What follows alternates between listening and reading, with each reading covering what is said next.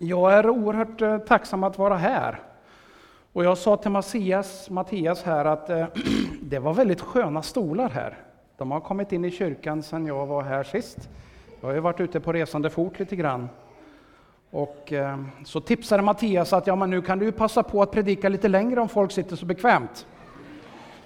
Ja, vi får se hur det går med det där. Men jag hoppas att du sitter väl och är redo att ta in någonting från det som Gud vill säga till dig idag. Låt mig först säga så här att den här helgen så är det allhelgonahelgen. Igår var det allhelgons dag. Och eh, vi är nog många som har tänkt på nära och kära som har gått före. Ibland så säger vi så här att någon har gått bort. Och jag tycker inte om det där uttrycket. Jag säger att mina föräldrar de har flyttat hem det här året. Därför att vi har ett hem i himlen som väntar. Och det finns ett hem som väntar varje människa som bara har sträckt ut handen. Jesus, tänk på mig. Så enkelt var det för rövaren som hängde på korset. Och därför så tycker jag det är mycket bättre att säga att Nej, men mina föräldrar, de har flyttat hem. De var här, de hade en livsresa att göra, men nu är de hemma hos sin skapare, han som har skapat dem, och där känner de sig hemma. Sen betyder inte det att det inte är smärtsamt. Det betyder inte att inte de har lämnat ett tomrum efter sig. Igår så var Anette och jag vid mina föräldrars grav, vid hennes pappas grav. Och det är klart att det finns ett tomrum. Men vi har ett hopp, hörni. Och det hoppet skulle jag vilja säga någonting om den här dagen till dig. Det här hoppet som gäller hela evigheten, men som inte bara gäller då, utan som börjar redan här och nu. Jag har varit på resande fot och jag tänkte att jag skulle bara visa ett par tre bilder eh, kring det. Låt mig först hälsa ifrån Magdalena Kellel, hon som är högst upp till höger på bilden där. Eh, Magdalena har många av er träffat. Hon är ju ledare för det projekt som vi som församling har varit med och stött under ganska lång tid i Kenya, bland massajer. Det började med att hjälpa massajerna med information kring hiv-aids som var och fortfarande är ett stort problem. Och det positiva är att faktiskt så har det arbetet vi har varit involverade i genom Magdalena och hennes team gjort stor skillnad. Och det gör att den sista tiden så har fokus inte så mycket varit kring hälsofrågorna och hiv-aids därför att det har i hög grad så har den informationen och den kunskapen och, och, och, allt som behövs runt omkring det har liksom tillgodosetts rätt mycket. Men så har man jobbat vidare med att lyfta, inte minst massajkvinnans status och roll i samhället. Eh, att formulera sin egen agenda, att få samma rättigheter som alla andra människor och så vidare. Jag tycker det är så fantastiskt att det är evangeliets kärna. Att se varje människa, att se det här är en värdefull skapelse av Gud. Det här är en person som, som, som har rätt att ta plats i samhället, som har rätt att uttrycka sig precis som någon annan människa. Så Magdalena hade jag en lång, lång träff med i måndags. Vi satt i fyra, fem timmar och samtalade och hon hälsar så gott till er alla. Man har precis haft val i Kenya och det har påverkat lite grann eh, möjligheterna för projektet. Men nu när valet är avslutat och det verkar som att det stabiliserar sig och lugnar ner sig så kommer arbetet att fortsätta precis som tidigare. Eh, bilden nedanför Magdalena där, det var ifrån i söndags. Då predikade jag över samma text som jag ska predika idag. Men det var i Nairobi. Men det var en viss skillnad därför att den där bilden som är tagen där, den, den var liksom början av gudstjänsten. Först hade man haft bön en bra stund och sen så samlades man i, i liksom såna här smågrupper. Ungefär som vi skulle kunna göra här nu, vi har såna fina stolar. Vi skulle kunna sätta oss i smågrupper om sju, åtta stycken. Och så utforskade man det här bibelordet som jag skulle predika om senare. Det var det första jag fick reda på, att du, vad ska du predika om? För det ska vi ha bibelstudien om först. Och det gjorde man. Under en timme ungefär så satt man och läste det här bibelordet och så samtalade man om det och så utforskade man. Men vad är det egentligen Gud försöker att säga? Och egentligen var det lysande bra. För det är klart att jag hade ju gjort det hemma, men jag fick ju fler tankar. Wow, är det så man kan se det också? Kanske något vi kan fundera över om vi ska göra här någon gång.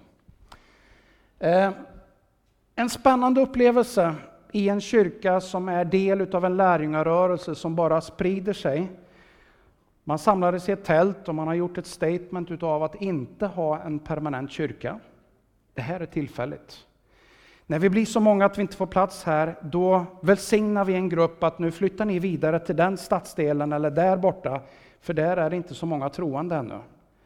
Där har ni en roll och så möts man i nätverk och så här. Evangeliet är för viktigt för att hålla fast vid själv.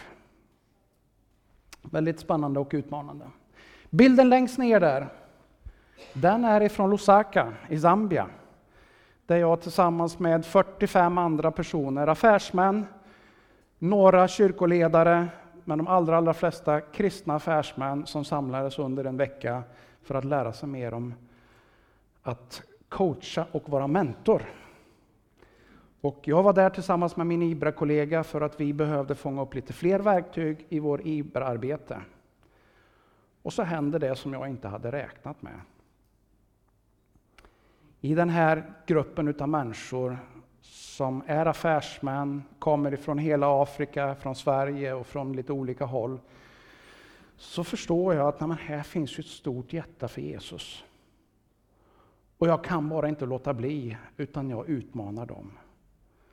För hundra år sedan, då fanns de flesta kristna i Sverige, Europa framför allt, USA. Och Gud kallade människor att åka till era länder, för hos er fanns det inte många kristna då. De kallade dem som mina föräldrar ifrån ganska fattiga livssituationer. Men de hittade vägar på något vis och så åkte de. Och idag så har den afrikanska delen söder om Sahara den absolut snabbaste och största församlingsrörelsen i världen. Så sa jag till dem så här att jag kan inte tänka mig att Gud skulle göra på ett annat sätt nu än då. Ni har platser på andra delar av jorden som ni, en del av er åker till. Ni åker och gör affärer på olika håll. Men är det rättvist att exempelvis bara en procent av befolkningen i Bangkok har koll på Jesus? Ni har över 50 procent som bekänner sig som kristna här. Är det rättvist? Så hände någonting i den där gruppen. Och kanske är det så här att vi kommer att få se ett antal affärsmän som inte bara tjänar bra med pengar, utan som faktiskt kommer börja bygga Guds rike i Bangkok eller på andra platser runt jorden. Den översta bilden där är tillsammans med min kollega Jan-Erik och en av mina före detta elever som har gått på Habarimalm College som finns i Zambia nu. Och samfundsledaren för ett pingstsamfund i Zambia. Eh, de startar och gör media här i slutet på det här året för att evangeliet ska gå vidare. Ta nästa bild. För en månad sedan drygt så fick min pappa dra sin sista suck här uppe på sjukhuset den 2 oktober. Och när vi eh, funderade som familj, vad är det för någonting som skulle på något vis ära honom eller hedra honom utifrån det som var viktigt för honom i livet. Så landade vi i att ja, den som vill kan få ge ett bidrag eller en gåva till böcker på Habari Malom College. Det var nämligen så att pappa och mamma de åkte iväg som missionärer 57. Stor del av den tiden så ägnade pappa åt att ägna sig med litteratur. Det var bibelspridning, det var andra böcker. Ehm, han var med och översatte böcker, han var med och, och redigerade sångböcker och annat. Och så småningom blev han initiativtagare till det som eh, vi känner som Habari Media, det vill säga att det IBRA-stödda mediearbetet i Östafrika. Och då funderar vi, vad är det för någonting som, som kopplar till det? Jo, böcker till biblioteket på den skola som är frukten av hans arbete.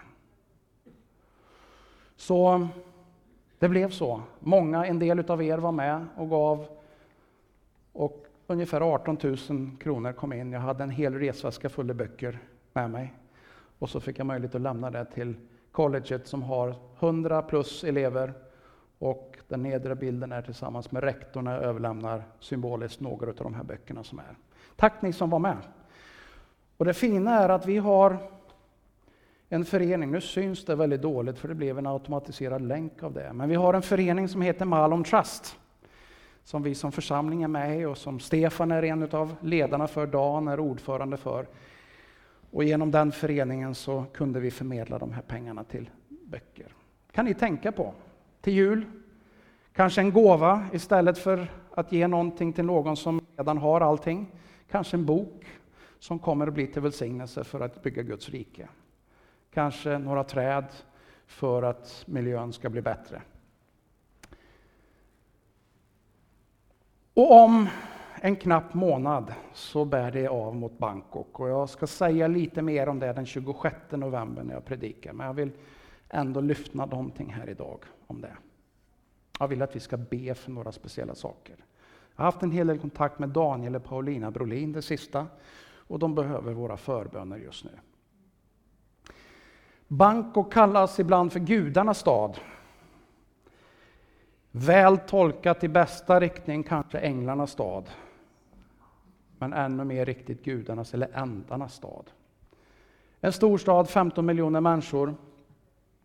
Tyvärr bara en procent som har koll på Jesus. ungefär. Det betyder att 14 miljoner 850 000 människor inte har koll på att det finns ett hopp.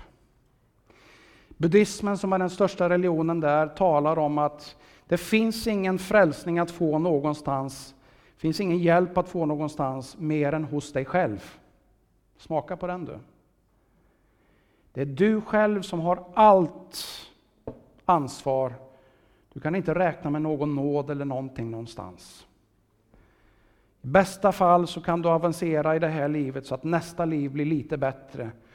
Och så vidare och så vidare och efter ett antal liv kanske du kan nå det man ser som liksom det ultimata, utsläckandet av livet och all smärta.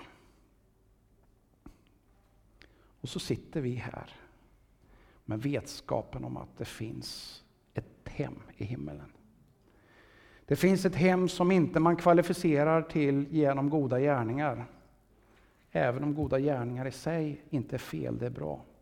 Men det är inte det som gör att du har en plats, ett hem någon annanstans. Det är inte det som gjorde att mina föräldrar fick tillträde till himmelriket.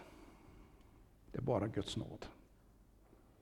Tänk 500 år av nåd som vi firar. Och tänk att vi har nådens år i år också.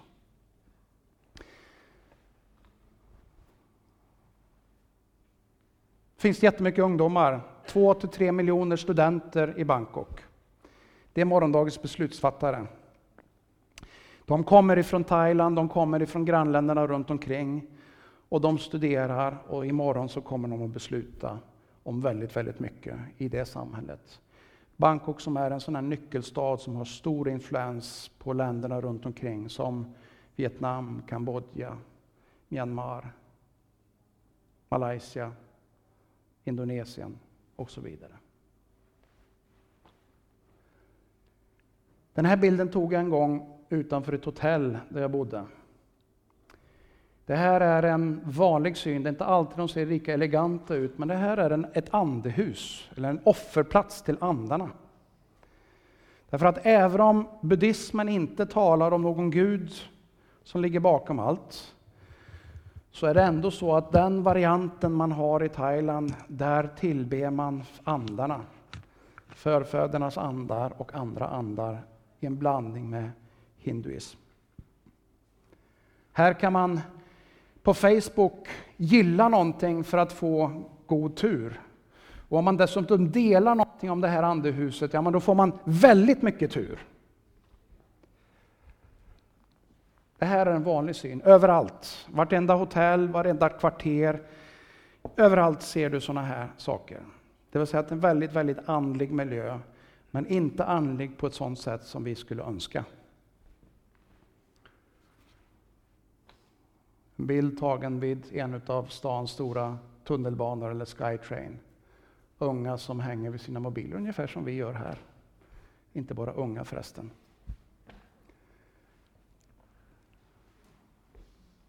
Ta nästa bild.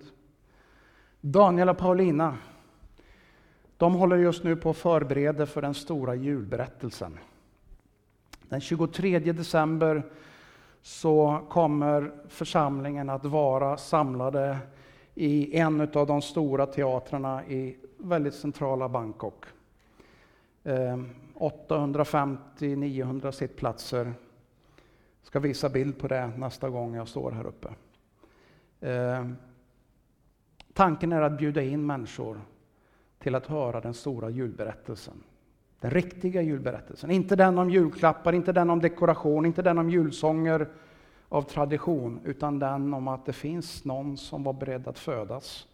Det var någon som var beredd att leva här och övervinna döden för att det ska finnas hopp för var och en. Och jag är så glad. Ett eh, gäng härifrån kommer att vara med. Anette och jag åker dit i början på december och den 18 så kommer Sofie och, och ett helt gäng med henne. Ni ska få höra mer om dem så småningom. De kommer ner och så ska vi vara med och bjuda in till den här stora tillställningen. Biljetterna är redan släppta. Vi har köpt ett antal biljetter, kanske ska vi köpa fler som vi kan ha och bjuda in då studenter, unga till den här stora julberättelsen. Och på julafton, när ni äter skinka och tittar på Kalle Anka, då ska vi samlas och ha picknick i en av Bangkoks stora parker. Då ska vi möta en del av dem som har varit på det här stora juleventet och så ska vi knyta kontakter där. Då hoppas vi att åtminstone 25 sådana här smågrupper eller upptäckargrupper ska formas, kanske fler, för att upptäcka den stora julberättelsen. Visst låter det spännande? Skinka kan man klara sig utan, eller hur Sofie? Eh, drömmen är att gå från gudarnas stad till lärjungarnas stad. Lärjungarna, Jesu lärjungarnas stad. Tänk om vi skulle få se en lärjungarörelse hända i Bangkok. Jag anar att det är på gång.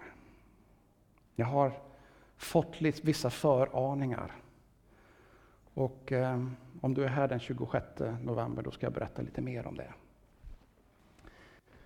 Nu skulle jag vilja att vi ber. Jag skulle vilja att vi alldeles strax ställer oss upp och så ber vi för tre saker för Bangkok. För det första enhet bland Guds folk. För det är nämligen så här att där är väldigt få kristna och den onde har en väldigt stor makt över många människor så vill han inte att de ska vara enade, de som är troende på Jesus. Så därför ser vi hur den onde försöker liksom att slå in kilar överallt för att skapa oenighet och splittring. Och det är inte Guds tanke. Men vår Gud han är större än alla andra. Eller hur? Och därför så kan vi be om enhet bland alla dem som Gud har kallat och kallar för att göra hans verk. Om vi har hundra stycken personer som verkligen är sådana här fridens personer, som blir lärjungar, som tar sitt uppdrag på allvar, som Jesus sa, gå ut och gör folk till mina lärjungar. För jag har ju all makt i himlen och på jorden. Så gå nu. Påminn dem om allt jag har sagt. Lär dem att hålla alla mina bud. Döp dem i Faderns och Sonens och den heliga Andes namn. Om vi får hundra stycken som gör det på allvar och som i snitt hjälper två nya människor varje år att komma till tro. Rashid, som många av er känner här, han utmanade mig i början på det här året. Be för mig, jag utmanar mig själv att göra tio lärjungar i år. Självklart ska jag be för dig. Och för inte så länge sedan jag stämde av honom så har han fått vara med och vara nyckel att leda åtminstone 25 till tro. Ja, det är värt ett halleluja, eller hur? Men om vi räknar lågt ändå, två per år. Och de i sin tur, nya lärjungarna, lär sig att göra samma sak. Det vill säga prioritera rätt i livet. Och så fortsätter det så. Då tar det inte mer än 11 år så har hela Bankos befolkning fått höra om Jesus och till och med fått chansen att bli lärjungar. Visst vore det väl fantastiskt? Är det omöjligt? Ja, kanske för människor, men inte för Gud. Låt oss be om hundra fridens personer som verkligen Gud drar i och som kan börja en sån lärjungaresa. Låt oss be om tio nyckelledare i samhället. När vi gjorde research för ett tag sedan, för några år sedan, så visade det sig, jag har gjort intervjuer med väldigt många thailändare som har kommit till tro, samtalat med många som har bott där länge. Så visar det sig att man följer gärna väldigt starka ledare, eller de som uppfattas ha makt eller, eller stor kraft. Och när vi intervjuade rätt många som hade kommit till tro ifrån en buddhistisk bakgrund så visade det sig att i stort sett alla hade upplevt någon form av påtagligt bönesvar, ett gudsingripande, ett mirakel, något utöver det normala. Det var avgörande för att de skulle komma till tro. Och så säger man så här att en av nyckelgrupperna av att nå det är faktiskt nyckelbeslutsfattare, ledare i samhället. Det kan vara politiker, det kan vara affärsmän, det kan vara artister, andra som befanns eller uppfattas ha stor makt som man gärna följer. Och jag tänker att det finns nog tio nyckelledare i samhället som Gud håller på och drar, Som Gud redan håller på att förbereda. Tänk om vi skulle be för dem här idag.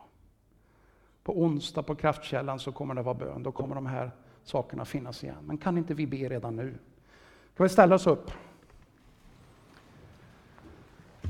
Sofie, du ska vara med och leda gruppen som kommer. Kan inte du komma fram och be för de här sakerna här? Finns någon mick någonstans tror jag.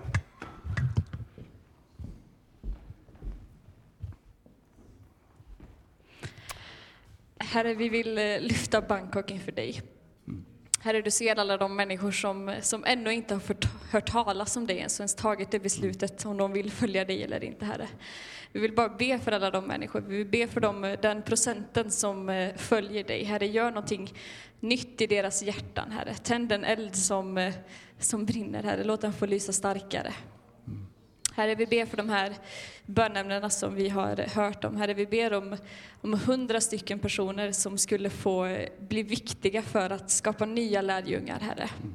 Herre, tack att du redan nu drar i dem, Herre, att du liksom knackar på deras hjärtan, Herre.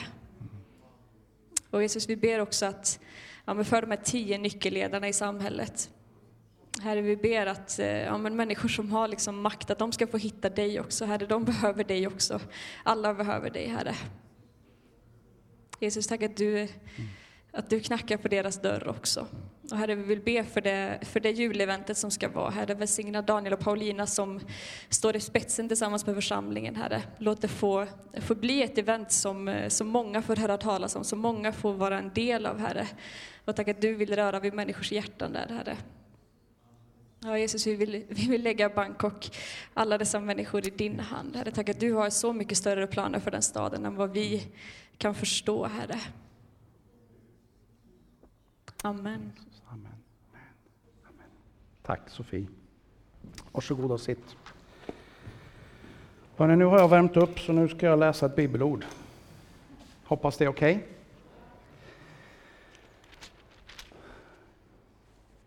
Finns en profet i Bibeln som heter Jesaja. Profeten Jesaja han levde ungefär 700 år före Kristus, lite drygt 700 år. Och han är en av de stora profeterna i Bibeln. Har en ganska omfattande bok som heter Jesajas bok. Han eh, framförde ett antal profetier som handlade om Messias. Och till jul så kommer vi förmodligen att läsa ett antal av hans profetior som för, målar bilden av den Messias, den frälsare, den räddare som skulle komma 700 år senare.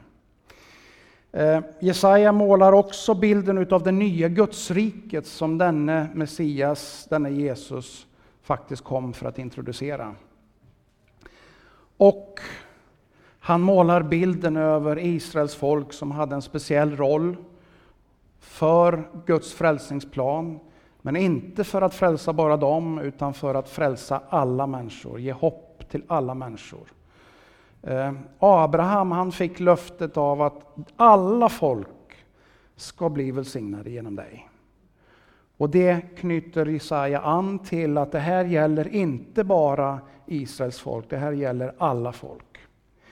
Eh, och nu ska vi läsa tillsammans med er. Har du din bibel så öppna gärna Jesaja 55. Ett kapitel med 12 eller 13 versar eh, som säger några viktiga saker. Det här var en profetia som definitivt gällde Israels folk, men det finns bottnar i det här som definitivt gäller oss också. Så när vi läser det här, lyssna in och fundera, vad är det för någonting som Gud försöker att kommunicera med dig om? Hör alla ni som törstar, kom till vattnet. Och ni som inte har pengar, kom och köp säd och ät. Och kom och köp säd utan pengar och vin och mjölk för ingenting.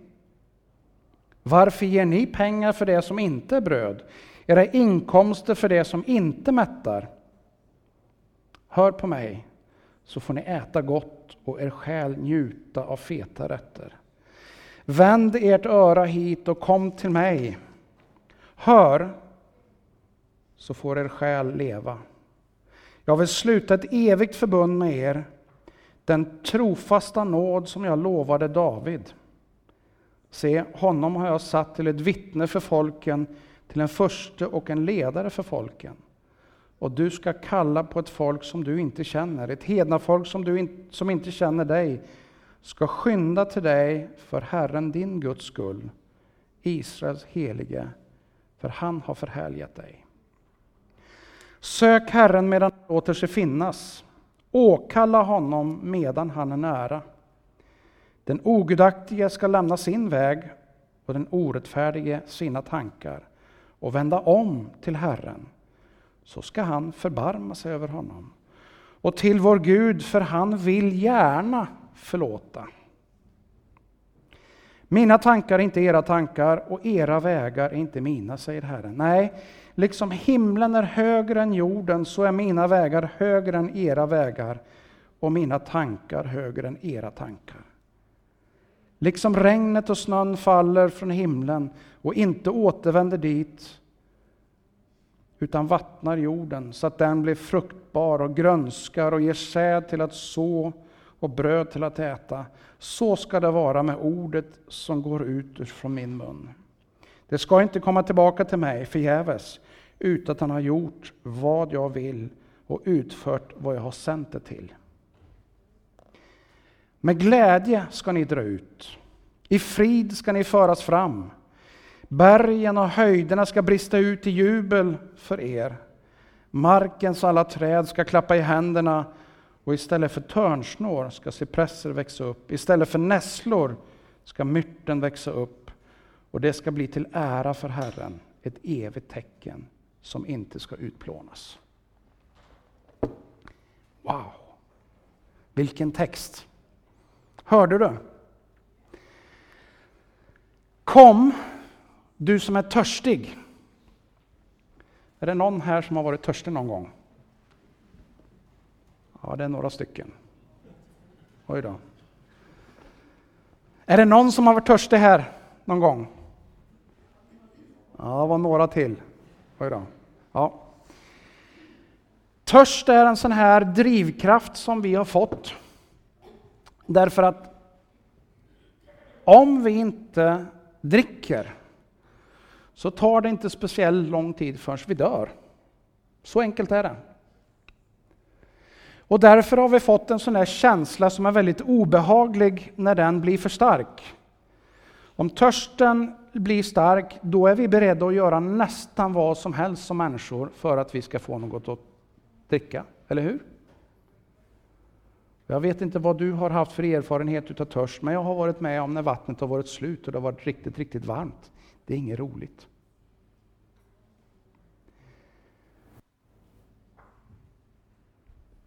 Ni som är törstiga, kom och drick, säger Gud genom profeten Jesaja. Den där längtan efter någonting som jag så innerligt behöver. Jag kan inte leva utan det. När den längtan finns, då finns det någonting som släcker den längtan. Eller någonting som svarar upp mot den längtan. Kom om du är törstig. Kom och drick, är vad Gud säger till dig. Jag vet inte var du befinner dig i livet just nu idag.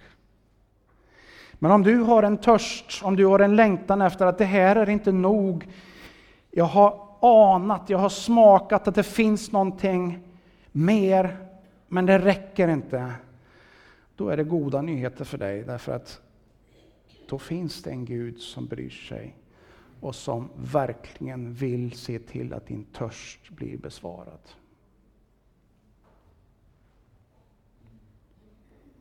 Det viktigaste är att du är törstig. För att om du är törstig, då har Gud det levande vattnet att erbjuda till dig. För att bejaka det som du längtar efter. Och sen så står det något väldigt konstigt. Ni som inte har pengar, ni som inte har resurser, ni som inte tror att ni har någonting, kom och köp. Visst är det lite knepigt? Du som inte har några kontanter, du som inte har där det står noll på bankkontot, du som inte har något kreditkort. Kom och köp. Och då säger texten inte bara vatten som är liksom det absolut grundläggande, utan kom och köp mjölk och vin som på något vis symboliserar det är mer än det där basic, det där grundläggande. Ibland så talar Gamla Testamentet om landet som flyter utav mjölk och honung. Om bilden på det utlovade landet som Guds folk skulle få. Ett uttryck för att det här är inte bara grundläggande behovet som ska mötas, utan det är mer än så. Det är lite guldkant, det är lite fest. Det vill säga att vi har inte en njugg Gud. Vi har en generös Gud.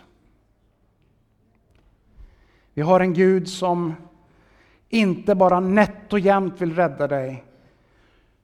Inte nätt och jämnt vill ge dig precis det du absolut behöver. Utan faktiskt en Gud som är beredd att välsigna dig mycket mer än vad du kan tro. Kom och köp, ni som inte har några resurser. Och jag tänker, det där är ju fantastiskt. Jag tror ibland att jag inte har någonting. Jag tror ibland att jag inte kan så mycket. Och kanske är du precis som jag. Men det Gud egentligen säger, den profeten säger här, att titta inte på vad du har eller inte har. Kom, därför att jag har någonting att ge dig. Därför att jag har resurser som går bortanför det du kan tänka och drömma och tro att du har.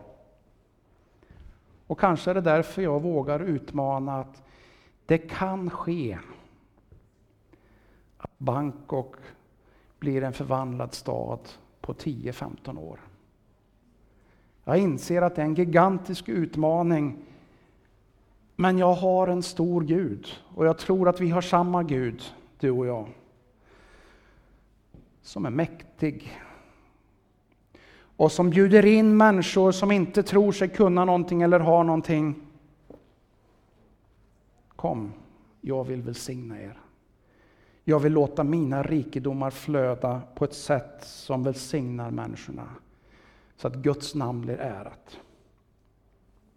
Och sen fortsätter texten och så talar den om att varför lägger ni pengar på det som inte är viktigt?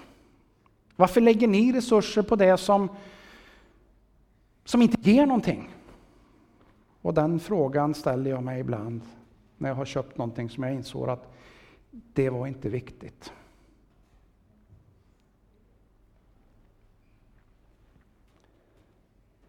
Ja, varför gör vi det? Jag kanske inte är helt ensam, men som gör det ibland. Jag ser något leende, jag ser någon som känner igen sig här. Varför lägger vi pengar på det som är oviktigt när det finns saker som är viktigare? Och jag vill inte lägga skuld på någon, därför att jag tror att Gud verkligen vill välsigna oss med både glädje och, och få njuta ibland. Men det finns ett viktigt budskap här som profeten förmedlar ifrån Gud. Det finns prioriteringar som vi måste göra i livet som sätter det viktigaste först. Som inte sätter egot, som inte sätter min egen njutning först, utan faktiskt gör som Jesus säger i Matteus. Sök först Guds rike och hans rättfärdighet. Och då ska ni få allt det andra. Ungefär samma budskap förmedlar profeten här 700 år tidigare. Sök mig först. Pröva mig så kommer ni att få uppleva. Ni kommer att få smaka feta rätter, ni kommer att få njuta av det goda. Men hörni, få till prioriteringarna rätt först. Så talar den här texten om ett evigt förbund. Ett evigt förbund som bygger på att det Mattias var inne på, det är nåd som för dig in i Guds rike. Det är inte mina eller dina fantastiska gärningar som kan få oss in i Guds himmelrike. Eller som kan få oss att få del av den frälsning som Gud har. Ja, det är bara en sak. Att ta emot, sträcka ut handen, vända ditt ansikte mot Jesus själv. Jag tar emot nåden genom dig.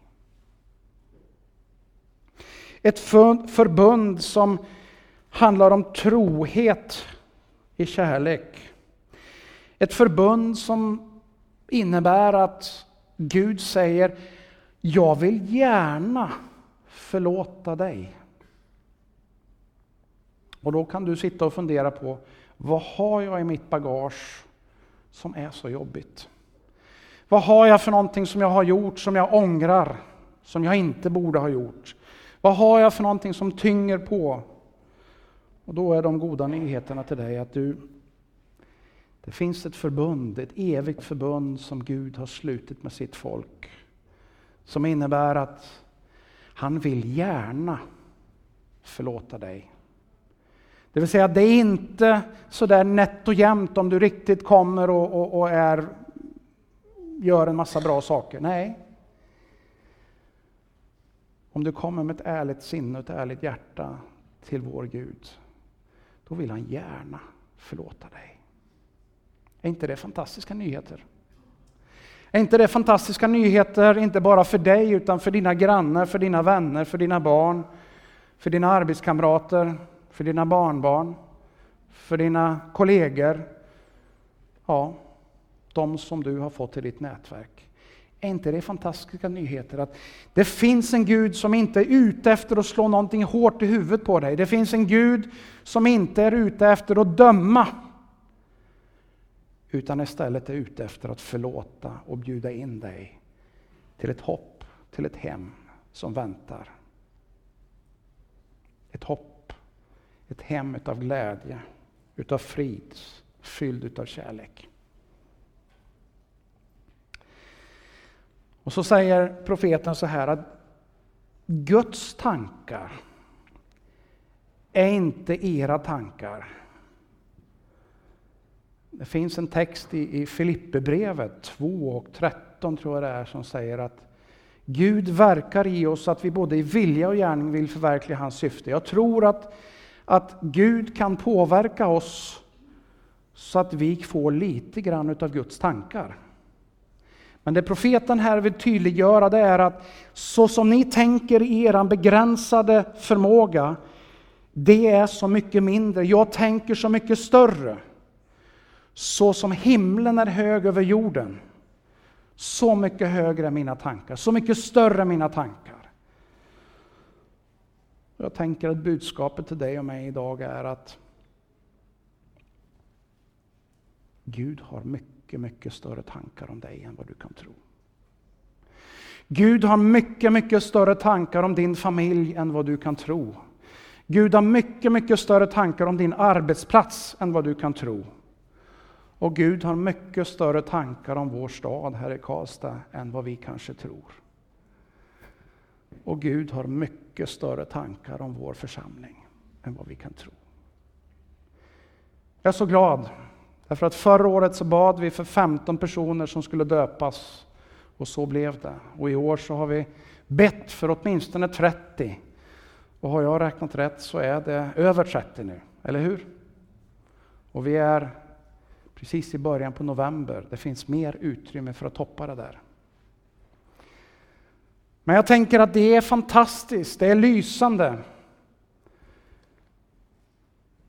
Jag är så oerhört glad över Daniel och Paulina som har lagt tio år i Bangkok. De har startat en församling som samlar runt 20, 250 människor just nu i två gudstjänster varje söndag. Det är fantastiskt. Men vet du, det räcker inte. Därför att Guds tankar är så mycket större. Vi har precis renoverat vår kyrka här och vi har fått fantastiska stolar här. Det är vi glada för. Men vet du, Gud har mycket större tankar än så. Idag har vi inte riktigt fullt här. Men jag skulle inte förvåna mig om det är ganska kort tid när det är så fullt här varje söndag att vi måste ha flera gudstjänster. Varje söndag. Varför? Jo, därför att Gud har så mycket större tankar. jag ska bara illustrera det med en liten alldeles färsk berättelse. Jag har ju varit många gånger i Egypten och Gud har gjort en del saker där. Men det är någonting annorlunda som håller på att hända just nu. Och I veckan precis så fick jag en uppdaterad rapport genom en, ett, en person i ett möte som jag satt i torsdags här. Hon hade precis kommit hem ifrån Egypten där jag var för en och en halv, två månader sedan. Och där så hade man mötts ute i öknen, en av Kairos största evangeliska församlingar som eh, har en lägergård ute i öknen mellan Alexandria och Kairo. Där hade man haft 14 000 ungdomar på en sportkonferens eller sportvecka. Och där hade man i den konferensen eller den sportveckan presenterat evangeliet väldigt tydligt och klart. Och utav de 14 000 som var där, både kristna och muslimer och med olika bakgrund, så var det 7 000 som gav sig till känna, jag vill följa Jesus. Eller hur? Och nu har man 4 000 kontaktkort med namn och kontaktuppgifter som väntar på att någon ska ta kontakt och följa upp. Första steget, jag vill bli en kristen, jag vill följa Jesus. Och så följer liksom stegen utav lärjungaskap. Det här har inte hänt någon gång förut. Man har haft 400 kanske som har gett en sorts tillkännagivande. Men 4000 det betyder att nästan varenda församlingsmedlem i den här församlingen måste ta sitt ansvar och vara med och följa upp någon att bli en andlig far och en andlig mor. Och jag tänker att det är nog dags för oss att förbereda oss på samma sak här. Just nu så funderar jag på vad ska vi be om nästa år? Vi bad för 30 och de har vi fått med lite råge. Hur många vågar vi be om nästa år? Om nu Gud svarar på bön, han svarar om 15, han svarar om 30. Hur många vågar vi be om? Hur många är vi beredda att öppna våra hem för? Hur många är vi beredda att öppna våra liv för och att bli andliga fäder och mödrar?